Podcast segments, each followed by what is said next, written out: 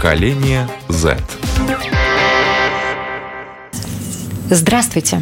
С вами Марина Талапина, режиссер программы Даниэль Йоффе, а звукооператор Реннис Будзе. Ну, а ручку так вот я подняла, потому что сегодня мы хотим поговорить о начале учебного года, поскольку у нас сейчас начало учебного года. Я рада очень в студии приветствовать Леонарда Теснова. Привет всем. Максима Зинкевича. Добрый вечер. И Анну Гиберт. Привет. Которые как раз являются учениками 12 класса 12 класса. Ну, как оно 1 сентября? Расскажите, ребят. Мы проводили первоклашек до их кабинетов. Макс пришел в очень вызывающем наряде. Да, я делал лосины, а на поверх них короткие плавки. Но это не важно. Важно, что очень много людей и очень много лиц. Некоторые были меня рады видеть, например, состав завучей, директор. Все были рады меня видеть.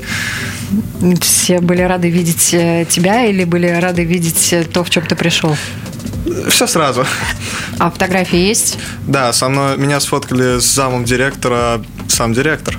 Э, супер, поэтому я надеюсь, что ты разрешишь их выложить, и мы Если обязательно нашим зрителям покажем, как это выглядит. Ань, как у тебя? Ну, я сама в 11 классе, поэтому официальной линейки у нас не было, но я все равно присутствовала, потому что кто-то должен был принести лосины. И, ну, получается, что людей, в принципе, было меньше, чем обычно, и у меня не было этой официальной части, но все равно, как бы, встретиться было приятно со многими. А вот э, ты упомянул, что вы довели до кабинетов э, первоклашек, а как это происходило там? А, Мы стояли в рядах. а, у- Нет, без масок и без перчаток. Мы про- За просто... нами, перед нами стоял целый ряд первоклассников, за нами стояли родители, мы были зажаты с двух сторон, там родители постоянно проходят, фотографию туда, сюда. Количество родителей было строго ограничено. Большая часть из них стояла за красной лентой за пределами стоянки. И мы просто взяли их и отве- отвели, пока- по сути, полшколы прошли по периметру и завели их в класс. Подарили им э, блокнотик и фломастер. Да, мы когда шли, нам это еще сказали, что для старшеклассников особый подарок. Новый комплекс у нашей школы появился. Думаю, можно будет картиночки показать потом. Красивенький, модненький, молодежненький. А меня все равно мучает вопрос, почему лосины? 1 сентября раньше все шли в белых рубашках. Я был в голубой рубашке. Верх у меня был стандартный, классический. Потом я решил, что у меня последний раз, когда я могу сходить на 1 сентября, я решил побаловаться. Могу себе позволить. Ну, в принципе, я так понимаю, что учителя приветствовали, да? Да. А, Только сегодня он получил выговор от одного из представителей Я администрации. получил выговор в, в общем итоге от двух завучей, За а, что? от классного руководителя, еще от нескольких учителей-предметников, которые меня увидели. А, за то, что это одет по-клоунски, позорю школу, ее честь, перехожу никак по-деловому. Ну, в общем, да, не рады. Ну, главное, что главы заценили. А как, э, Ань, ты вот воспринимаешь это? Вот прийти на 1 сентября необычно. Я считаю, это классно, потому что формир... ну, какое-то воспоминание образуется, и это куда лучше, чем просто по стандарту. Потому что 12 лет все-таки это немало. Почему бы один год не позволить себе? Я, когда смотрел на это, я подумал о том, что когда я буду вести своего ребенка в первый класс, я хочу, чтобы он оделся не белый верх, черный низ, а что такое там вызывающее, например, готическое. Или, ну, чтобы запомнилось и было интересно. А какие вообще эмоции? Вот вы 12-классники. Первый, э, вернее, уже 1 сентября у вас последний раз в школе. Грустно, слеза наворачивалась. Нет? Я не чувствовал ничего, на самом деле, такого особенного, просто... э, 12 раз уже так было, привыкли. Я бы сказал, что 12 лет это уже тот момент, когда ты начинаешь относиться к этому, боже, ну, пожалуйста, может это уже когда-нибудь закончится. Но уже привыкаешь очень сильно, ничего нового не ощущаешь в процессе. Но вот эти изменения, так бы это был обычный год, как каждый другой, а у нас сейчас эти особые обстоятельства, все возможные ограничения, которые ничего не помогают, но просто усложняют вещи. Слушайте, вы знаете, я когда готовилась к программе, на- натолкнулась на такие цифры, что половина школьников не хотят ходить в школу. Да. М, На Я- дистанционке хотят быть? Они не хотят вообще учиться. А. А, я даже думаю, что более чем Да, половина. первоклассник, которого я вел, сказал, что не хочет в школу. Вы о чем? И его вел 12-классник, который сказал ему, я тоже. А вот чем это вызвано? Нежелание учиться? Учиться же хорошо. Ну, представьте, вы хотите гулять на улице, общаться с друзьями, соци- социализироваться, вас закрывают в помещении, говорят, смотри в, в эти цветные листы, говори вот это, и наслаждайся тем, что ты не можешь даже высказать свое мнение. Но ты же не будешь э, 24 на 7 гулять с друзьями. Ну вот первое, ты все же прогорание молодости, какое-то такое ощущение легкое есть, что ты не получаешь всего, чем бы мог заниматься. Второе, это в школе атмосфера мне не очень нравится. Учителя, которые типа тоже устают от своей работы и часто тоже неправильно говорят. Все одни и те же программы, которые уже проходили классы до тебя, и тебя могут всегда скинуть ответы в контрольном. Самое интересное, что учителя еще одновременно постоянно ругаются, что вводят новые программы, которые их не устраивают. Хотя на самом деле они интересны. Ну, по крайней мере, то, как они нам это описывают. Да. Ну, мне кажется, что, в принципе, всегда примерно половина ребят не хотела учиться, что сейчас, что там 20 лет назад. Мне кажется, это нормально, потому что, в принципе, по психологии ребенка, ну, они не могут сидеть на месте, дети, ни первоклассники, ни там кому 12. А потом это ты просто привыкаешь, что есть такое осознание, что надо. Ну, хотя не у всех. Но это уже другой вопрос. После того, как наслышался идеи про нереальные стартапы, ребенок бросил школу, открыл стартап, стал миллионером в 16 лет, по школе ходить больше, больше не хочется. Mm-hmm. Вот интересно, что все-таки вас мотивирует ходить в школу? А, разве? Не знаю. Ну, то, что это единицы добиваются этого, и я не чувствую, что, например, я смогу этого добиться от себя, если пойду их путем. И то, что ну и надо найти нормальный университет, чтобы найти нормальную работу, чтобы хотя бы чего-то добиться.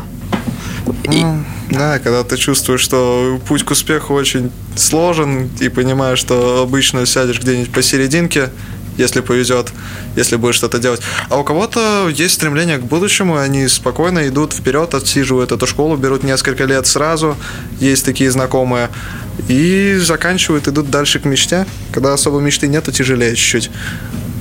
Ань, что тебя мотивирует?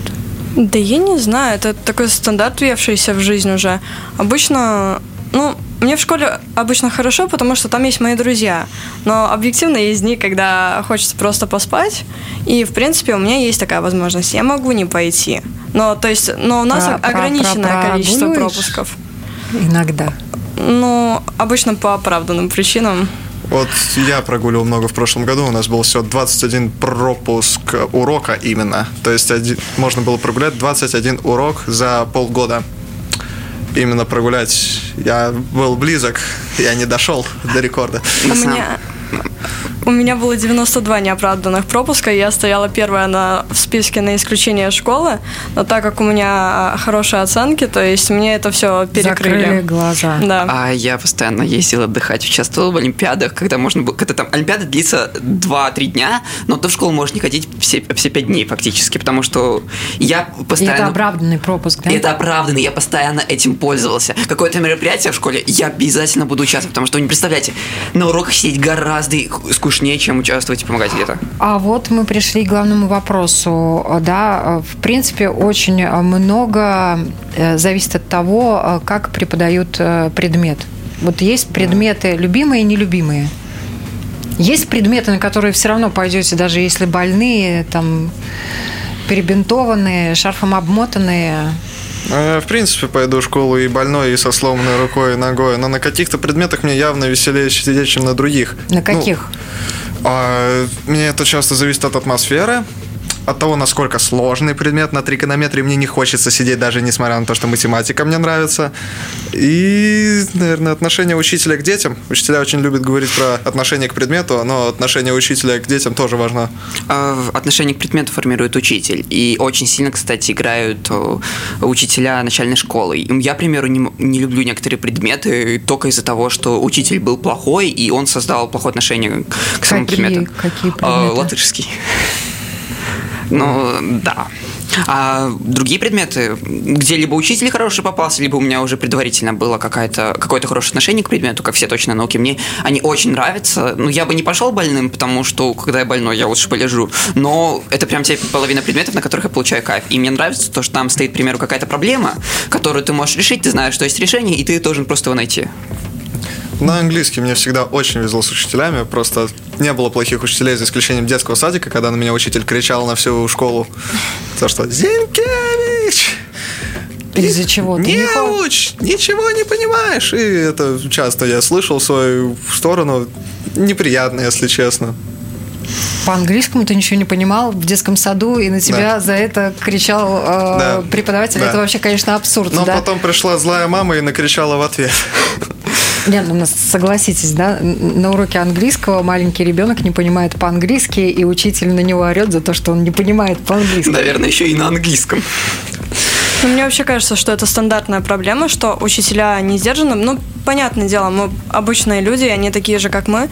Но в целом, э, ну, ты же профессию выбираешь, в принципе, осознанно. И если у тебя нет терпения, то зачем идти к детям? А давайте пофантазируем, как бы вы наказали э, преподавателей, да, или вот какие-то там, я не знаю, барьерчики поставили, там какие-нибудь Я- на них э, надели датчики, и в случае чего били током, например, если они повышают голос. Знаете, э, я бы сделал иллюзию того, что за ними следят. Я бы поставил фейк-камеры, сказал бы что-то по типу «на детей больше орать нельзя» и так далее, и не сказал бы, что это фейк-камеры. Они бы думали, что за ними смо- смотрят, и они бы так не поступали.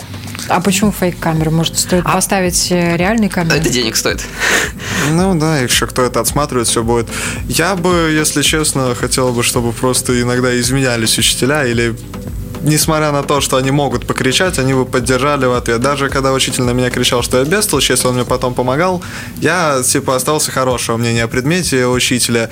А если просто это каждый день приходишь в школу, опаздываешь, Зинкевич, вы можете не приходить на мой урок никогда больше. Очень неприятно. Мне кажется, это звучит как учительница по литературе, с которой у тебя хорошие отношения. Не знаю, насколько хороший. За мой прикид она мне сказала минус 30 баллов. И, судя по всему, не в шутку, предлагая мне сейчас четвертый год. Слушайте, ну вот хорошо, давайте поговорим. Э, Все сейчас тоже в таком подвешенном э, слегка э, состоянии, положении из-за того, что непонятно, там кто-то учится дистанционно, а кто-то не дистанционно, э, на удаленке. Вообще, как вам весь этот период? Мне нравится больше дистанционка, на самом деле. Я начал выполнять 100% домашнего задания, потому что как бы от- ответственность вешается прям лично на меня. А до этого на кого она вешалась? А до этого учитель... Я знал, что учитель не проверит. Она, они либо не, они задают, не проверяют, и такой, ну... А что, я лучше посплю, не знаю, там в компьютере что-то поучусь. Мне прямо программирование Я нравится. надеюсь, учителя нас тоже слышат. Мне это больше нравилось. А, а тогда я знал, что они проверят, я получу свой зачет, не зачет, и я должен был это делать. Хорошо.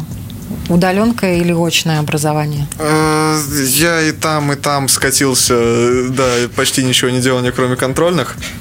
Но мне нравится так, как у нас сейчас предлагают, потому что будет две недели в школе, одна неделя удаленно. Наверное, это будет давать какой-то необходимый перерыв, потому что, приходя неделю за неделю в школу, ты уже включаешь режим зомби, идешь по коридорам пустым, а, я опоздал, ну ладно. И, а так будет хотя бы время отдохнуть, и это будет менять задачи. Когда ты выполняешь одни и те же задачи в одном и том же цикле, то, что школа, ты там домашки, контрольные, проверочные, работа в классе.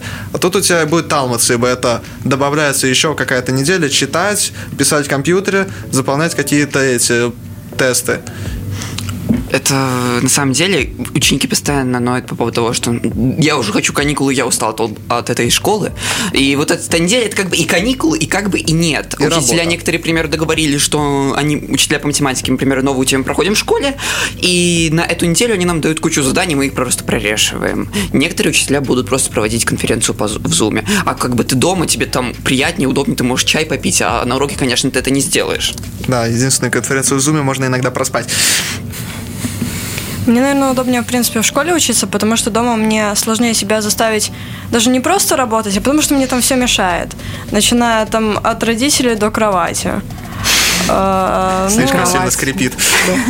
Я, Кровать получается... одним своим видом, я так понимаю, она просто убивает наповал Да. желание учиться. Потом увидишь какое-нибудь нечистое пятно на столе. Ну, я не могу его тут оставить, надо протереть. Зачем? Домашку потом. Особенно, когда начинается конференция в Зуме, ты сверху одел какую-нибудь майку там, а И снизу сидишь в сидишь, трусах, да. да, а снизу сидишь в пижаме, просто все раздвинул по бокам, все свои таре- о, кружки от чая. В А, зуме иногда опасно. Может всегда пройти папа только в трусах на заднем плане. В розовых. Я две недели в зуме был в одной и той же майке. Ну, а некоторые портрет ставят, и Ой, все нормально. некоторые извращаются и ставят специальную программку, чтобы сзади у них был, был фон особый.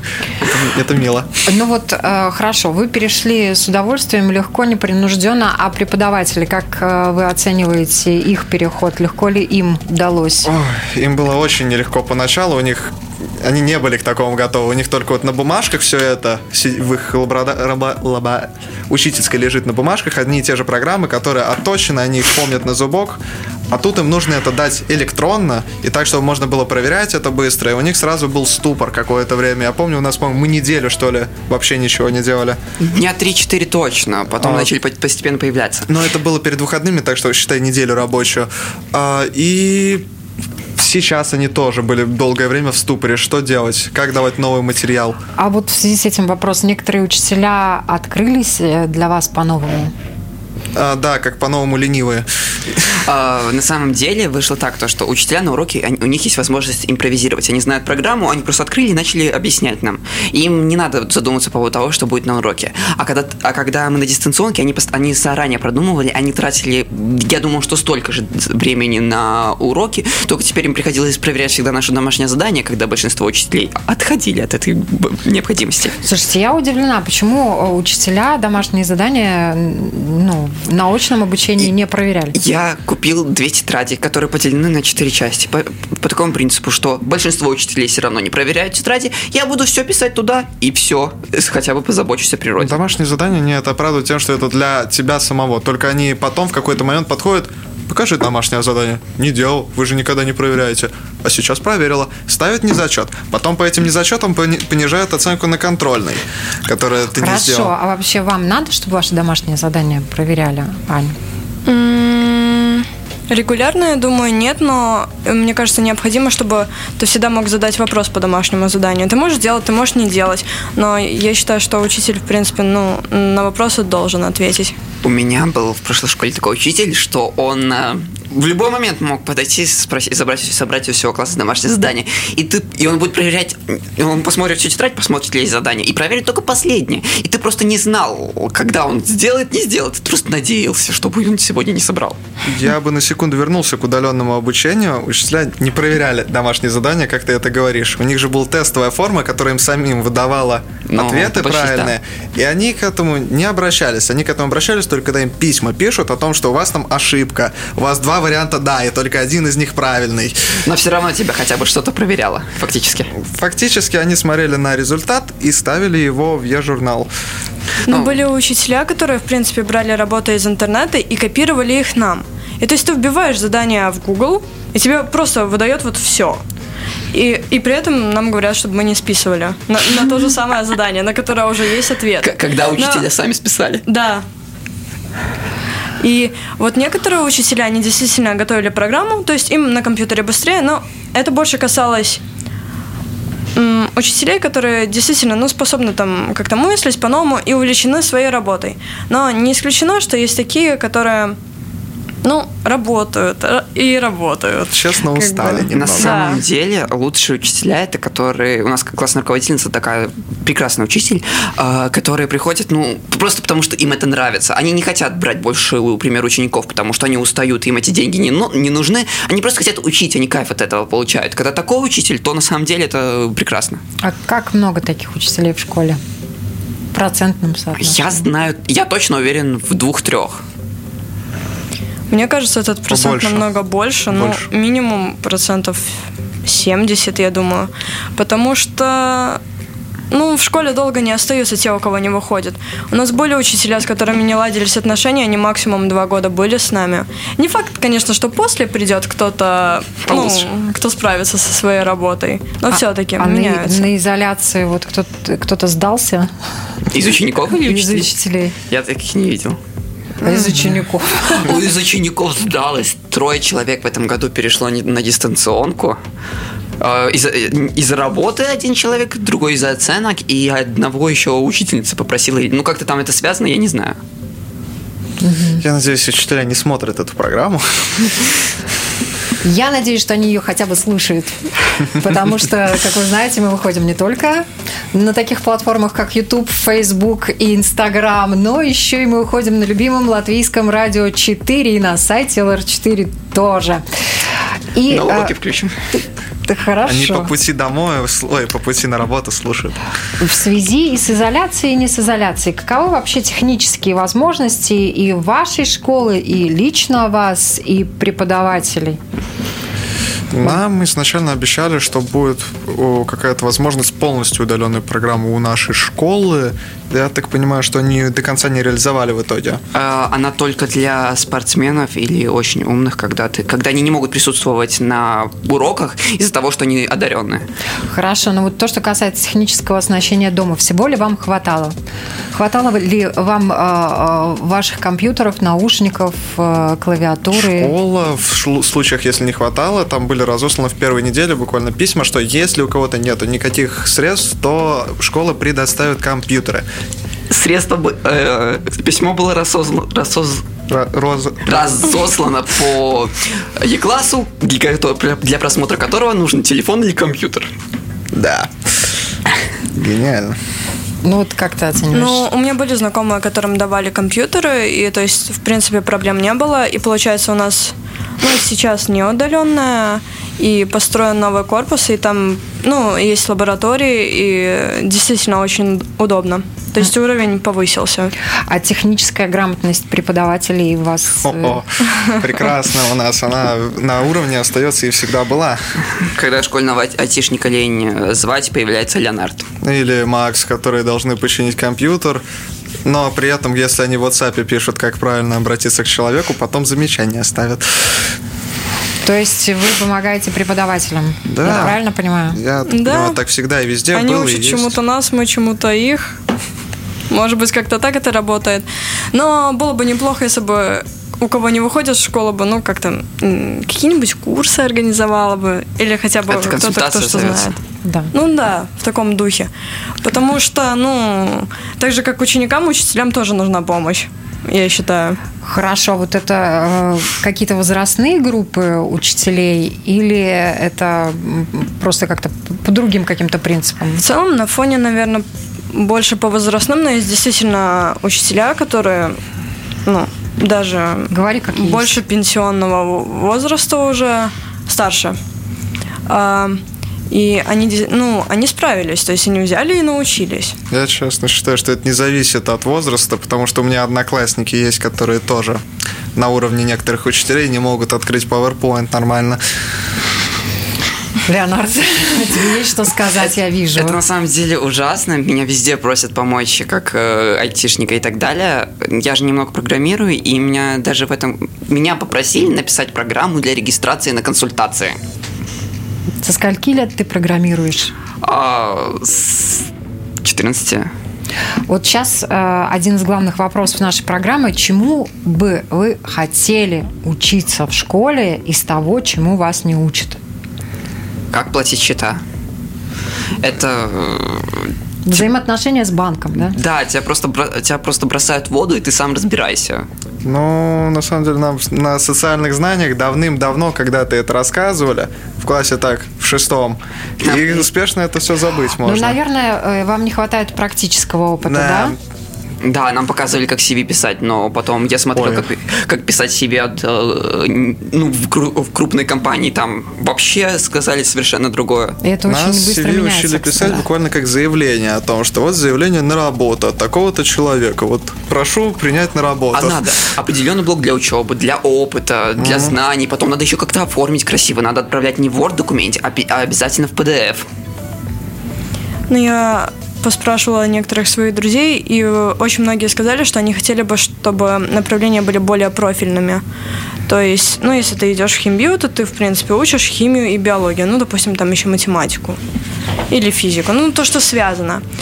И я, в принципе, понимаю это желание, но лично не хотела бы так учиться, потому что ну, мне хотелось бы как-то разносторонне развиваться. Но я считаю, что направления действительно могут быть профильными. Просто организовать какие-то, ну, вот консультации, дополнительные предметы. Многие бы ходили. Было бы удобно, если бы был именно вот выбор профиля. То есть ты учишься там где-то до 12 до часу свои предметы, а потом ты можешь остаться спокойно. У нас, ну, я вот, к примеру, хожу на программирование французский, потому что хочу знать эти предметы. Только там такая ситуация, что французский школа вообще или подготовлена к нему, потому что у нас даже кабинета нет. Мы одну неделю на первом этаже, вторую неделю на втором в прошлом году были, я не знаю, как в этом будет. А программирование, там программа устарела, ну, на лет так 12. Ну, слушай, это нам ставят самую базовую программу, по сути. Это не basic, конечно, но... Нет, нет это не базовая, это ниже, чем базовая. Да, нам такую обучательную. Хотелось бы чего-то более действенного, что используют реально. Вот э, я так понимаю, что то, что касается, например, химии, ты упомянула, да, вот есть предметы, по которым вы как раз хотели бы обновить техническую базу и знания преподавателей, наверное, в том числе, да. И есть предметы, которые можно учить заочно, без проблем, да, ту же литературу читать, читать, читать, писать, писать, писать. А есть предметы, вот, например, химия, да, которую, наверное, все-таки лучше опыты все эти ставятся реактивами не дома, а в лаборатории. А на самом деле, знаете, я участвовал в Олимпиадах по химии государственных, то есть я в прошлом году 12 место занял в Латвии. Так вот, ну, слышите, побольше... Отлично, молодец по большей части э, опыты это просто чтобы понять, их можно в интер... их можно в интернете посмотреть. Да, это интересно самому делать, но эти все это, это все равно больше цифры, и это надо сидеть с листом бумаги, а не проводить опыты. То есть опыты проводить не обязательно. Но есть предметы, которые вы хотели бы а, а, непосредственно, кроме, конечно, физкультуры. Я понимаю, что физкультуру все хотят а, прокачивать на стадионе или в спортивном зале. Все хотят же, правда? Да.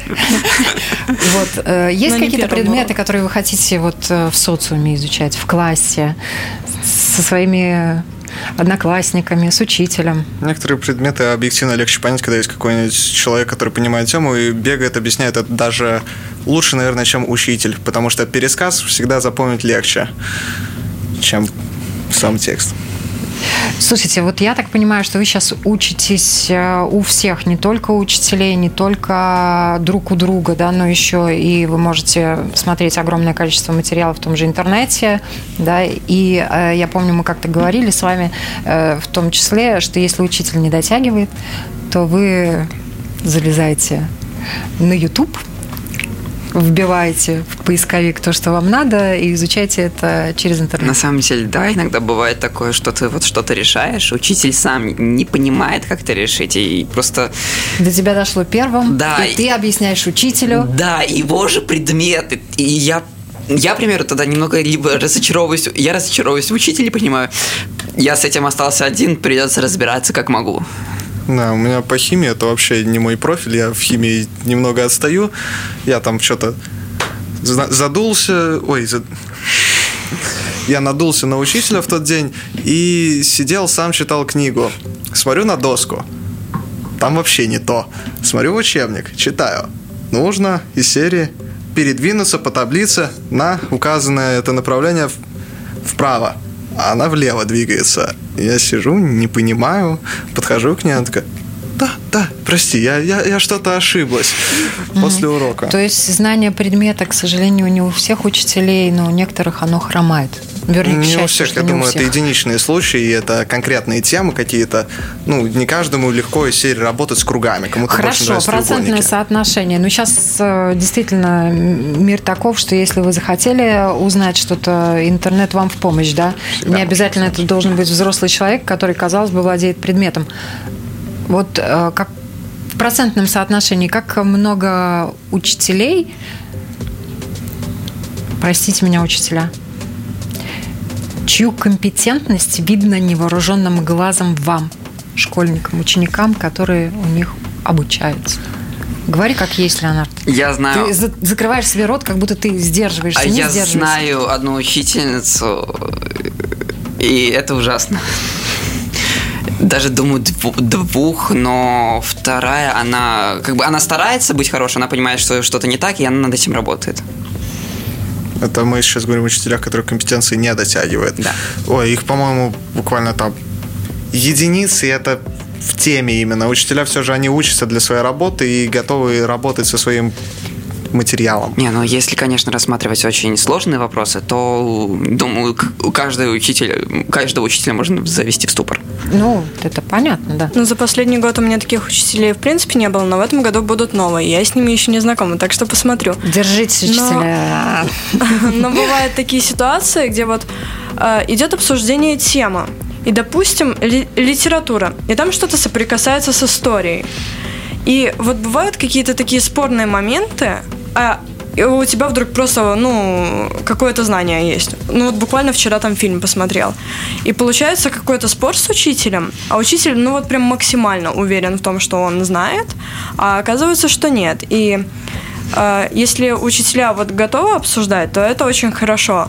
Но есть э, такие, которые м- считают, что только их должны слушать, и тогда это, конечно, плохо оборачивается. Ну, то Да. есть учитель Они должен быть, авторитет да, учитель должен быть знаком с, эм, с предметами, которые, ну, как как-либо касаются его предмета. У нас еще была такая ситуация, что мы готовились к празднику, мы задавали учителям вопросы, которые из школьной программы, ну, с расчетом, ну, да, большинство должны знать, наде- мы надеялись так. Так вот, некоторые учителя оправдывали свое незнание в остальных предметах со словами, что они преподают только этот предмет, и не обязаны знать другие. Хотя от нас требуют учителя знать это.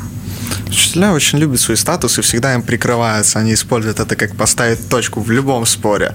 Я учитель, я прав. Минус балл. Уходи с урока. К директору. К завучу.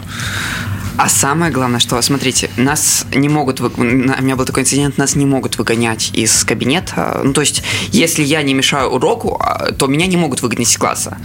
Меня учительница пыталась выгнать, потом пожаловалась э, заучу, что, меня, что я не ушел с класса. Потому, ну, просто у меня был следующий урок французский, ну что, мне шататься по школе? Конечно, хочу посидеть в классе. И потом зауч говорил, что она учитель, она старше, ее важно уважать. Ну Были- вот, кстати, уважение учеников, учителей учеников же тоже, наверное, надо уважать, правильно? Учеников, Э, конечно, вот э, взаимоуважение. Этого стало больше в школе с, с повышением класса. Мне, например, нравится учиться с учителем, когда он ко мне тоже на «вы» относится. Называет себя на вы. Да. Ну, к сожалению, такой только один, но да, все же.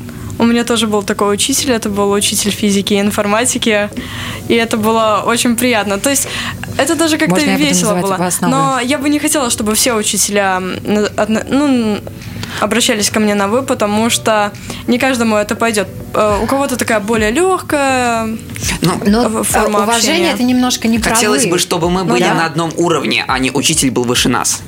Потому что так выходит, что если мы на одном уровне, то как бы мы идем к нему за вопросом, и он нам отдает его. А когда он выше нас, тогда как бы мы чувствуем, так, такое чувство, будто нас заставляют учиться. Не знаю, как Есть- будто мы должны молить об ответах. И учитель, если благосклонный, их нам даст. А если сейчас уже 7 часов, то простите, не могу. И есть такие учителя, много таких учителей, Ну, Достаточно, наверное. которые не готовы отвечать на вопросы нет. учеников. В связи со временем есть несколько учителей, которые не ответят. Но я тоже могу понять, но 6 часов, по-моему, еще можно работать. Да, есть такие, не то чтобы много, а, но как бы это неудобно именно для обучения, потому что я вот много пропускаю по разным причинам, обычно оправданные, А, но как бы они не всегда хотят. Э, Ты пропустил твои проблемы, а работу ты писать должен. И ты просто не знаешь, что делать в этот момент. Потому что это уже выходит на какие-то, на уровень, ну, э, просто человеческих отношений. А у тебя, ну, по-любому должно быть э, нормальное отношение с учителем, а не просто как с предметником, а как с человеком. Сейчас э, расскажу ситуацию, наверное, это будет плохо для меня, но все же. Учителя, они, если у них хорошие отношения с учеником, и они знают, что ученик знает предмет, то они ему позволяют больше. Э, не писать некоторые контрольные или поднимают баллы. Ну, обычно я один из тех, но все же.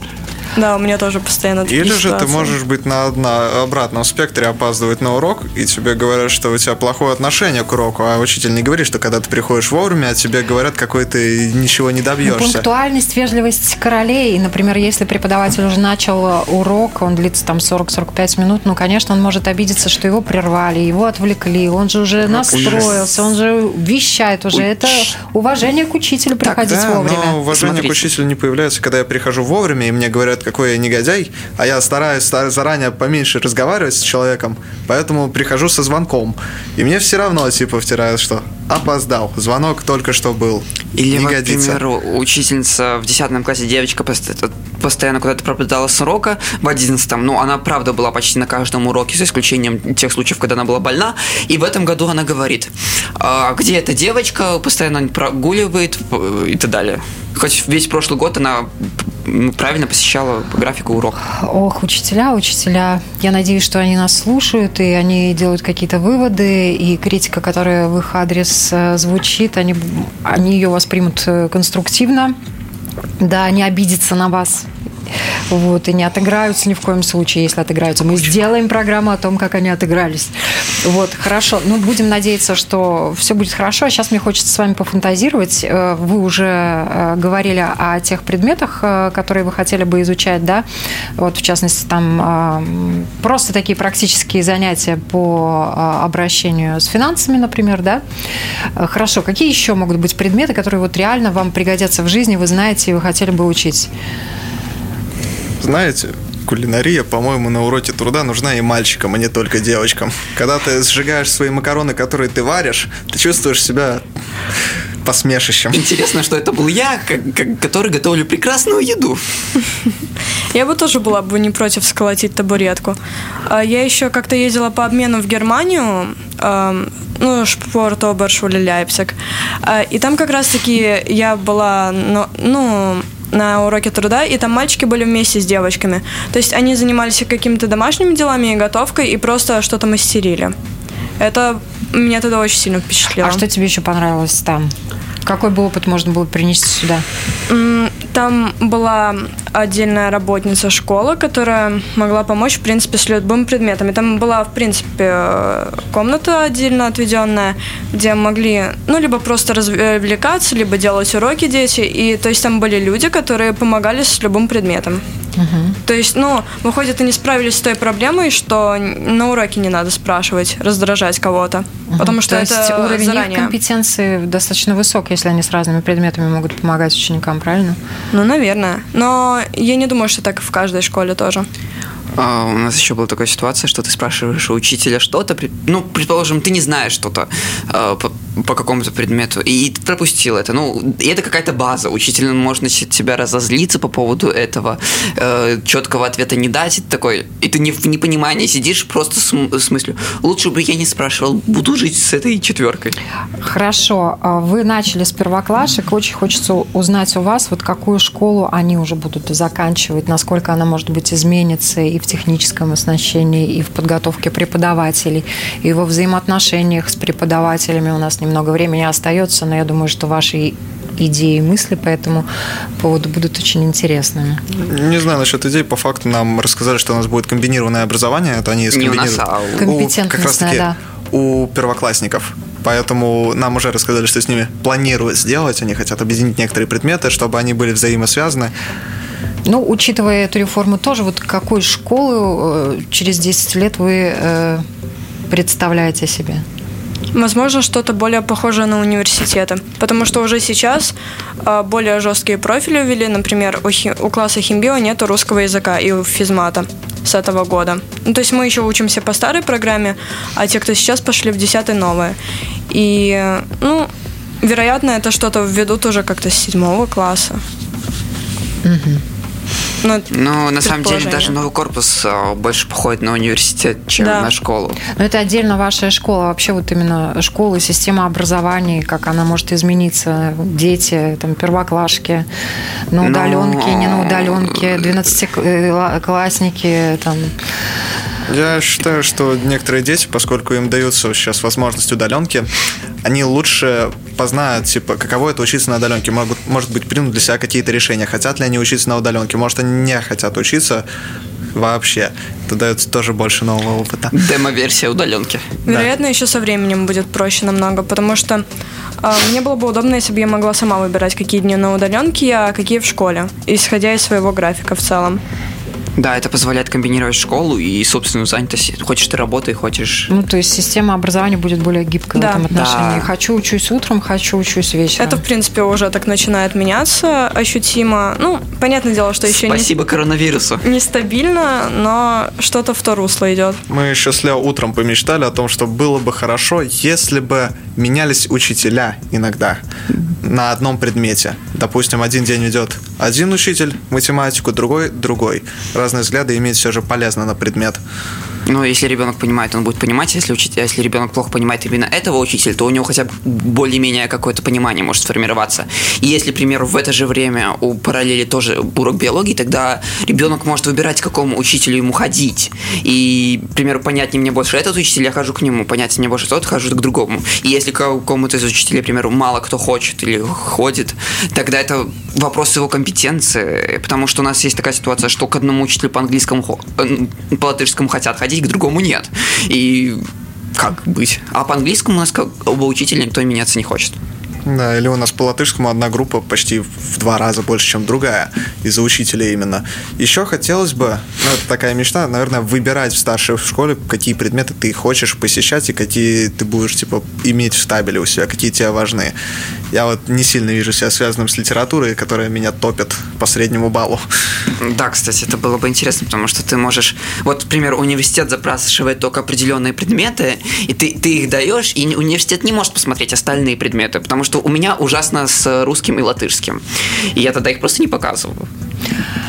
А взаимоотношения? Вот я хотела бы услышать в завершении о том, какие взаимоотношения могут быть через 10 лет у учеников и учителей. Я бы хотел, чтобы и те, и другие были более терпимыми друг другу и позитивнее. Конечно, такая мечта романтичная, но всегда можно верить в лучшее. Да, чтобы, как- чтобы учитель к каждому ученику относился как к отличнику и наоборот. Чтобы не было каких-либо разделений поколений. То есть ты старше, и это единственная причина, по которой тебе должно уважать. Но это не работает. Наоборот, все скорее больше смеют за это Да. на перемене. Слушайте, ну вот уже через год, да, вы будете выпускниками. Леонард и Максим, да? Анечка через два Да. года, да. Ну, в принципе, вот за эти два года чего бы вы хотели добиться в школе? Какие цели вы себе ставите? А, ну, я буду, смотрите, как бывает, я документы подаю зимой в университет, и фактически мне важно подать документы в университет дальше-то за- за- зачем фактически мне школа? Просто закончу школу, чтобы оценки были приличные, да и все. Ну, я не буду прям очень стараться работать, но и не буду забивать все и не ходить на уроки. Хотелось бы хороших оценок, естественно, в табель. Потому что так мне будет легче, когда я все же решусь к концу 12 класса, я надеюсь, чем я хочу заниматься, мне будет легче и больше открыты больше путей в жизни дальнейшем. Я бы хотела, ну, во-первых, спокойно окончить, без всяких накладок. Ну, в связи и с коронавирусом, и э, взаимоотношениями с разными учителями. А еще... Что еще?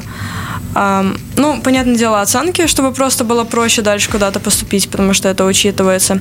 И, и побольше всяких э, проектов вне школы. Потому что, ну, это бонусом идет хорошим. А Хочу еще добавить, что, в принципе, обустройство школы тоже сильно влияет на желание учиться, потому что э, создается какая-то атмосфера более работоспособная, и, ну, в красивое место всегда приятнее ходить. Если надо ходить. Точно так же вот мне стало жалко людей, которые живут в стареньких квартирах. И ученики, которые там должны учиться. Ну, Ну, ваши идеи по поводу технического оснащения, Я дизайна. был в многих школах, и почти во всех ужасные туалеты сделаны. Отвратительно. Ничего не работает, можешь застрять. 50% шанс, что ты застрянешь в туалете. И это во многих школах так, по крайней мере, во всех, в которых я был. Также приятнее учиться все же, да, с новыми стенами, а не с теми, которые облезают и падают тебе на голову. И Такое тоже было, да? И такое тоже бывает. По поводу туалета, на самом деле, это больная тема. Я мало где встречал э, туалеты, обустроенные хотя бы по стандартам, требуемым государством. А вам доводилось бывать э, в учительских туалетах? да. И как там? Ну, там всегда бумага Прилично. есть. Да, а у нас бумаги нет обычно. Там есть плитка красиво уложенная. И мыло стоит, Ох, жидкое. И я надеюсь, что нас учителя тоже и сейчас слышат, и услышат, и что-то Не, ну- предпримут администрации школ. Администрация школы не первый год про это говорят. Все, что делают новое, но это, понятное дело, постепенно, потому что бюджет выделяют. Это все хорошо и не на что А жаловаться. когда комиссия в школе, все так счастливы. На, на дверях в туалете резко появляются замки, появляются салфетки для рук в туалетах. Мыло есть всегда, всегда пополняется. А потом на следующий, через три дня уже ничего нету. А в завершении нашей программы я попрошу вас сказать пару ласковых слов, пожелания вашим учителям. Я хочу, чтобы каждый класс уважал учителя, а не бегал по классу, оскорбительно относился к учителю, опаздывал на уроки, чтобы всего этого не было. Я желаю, чтобы учитель с радостью приходил на свою работу и занимался любимым делом. Совсем? Я, в принципе, благодарен каждому учителю, который приходит на работу, потому что ему просто нравится предмет, и он не перерабатывается, то это тоже стоит благодарность, потому что не каждый может даже это контролировать. Ну и я думаю, что совсем плохих учителей и учеников не бывает, и чтобы просто больше э, э, лучше чувствовали друг друга, терпимее относились. Спасибо всем большое и с началом учебного года.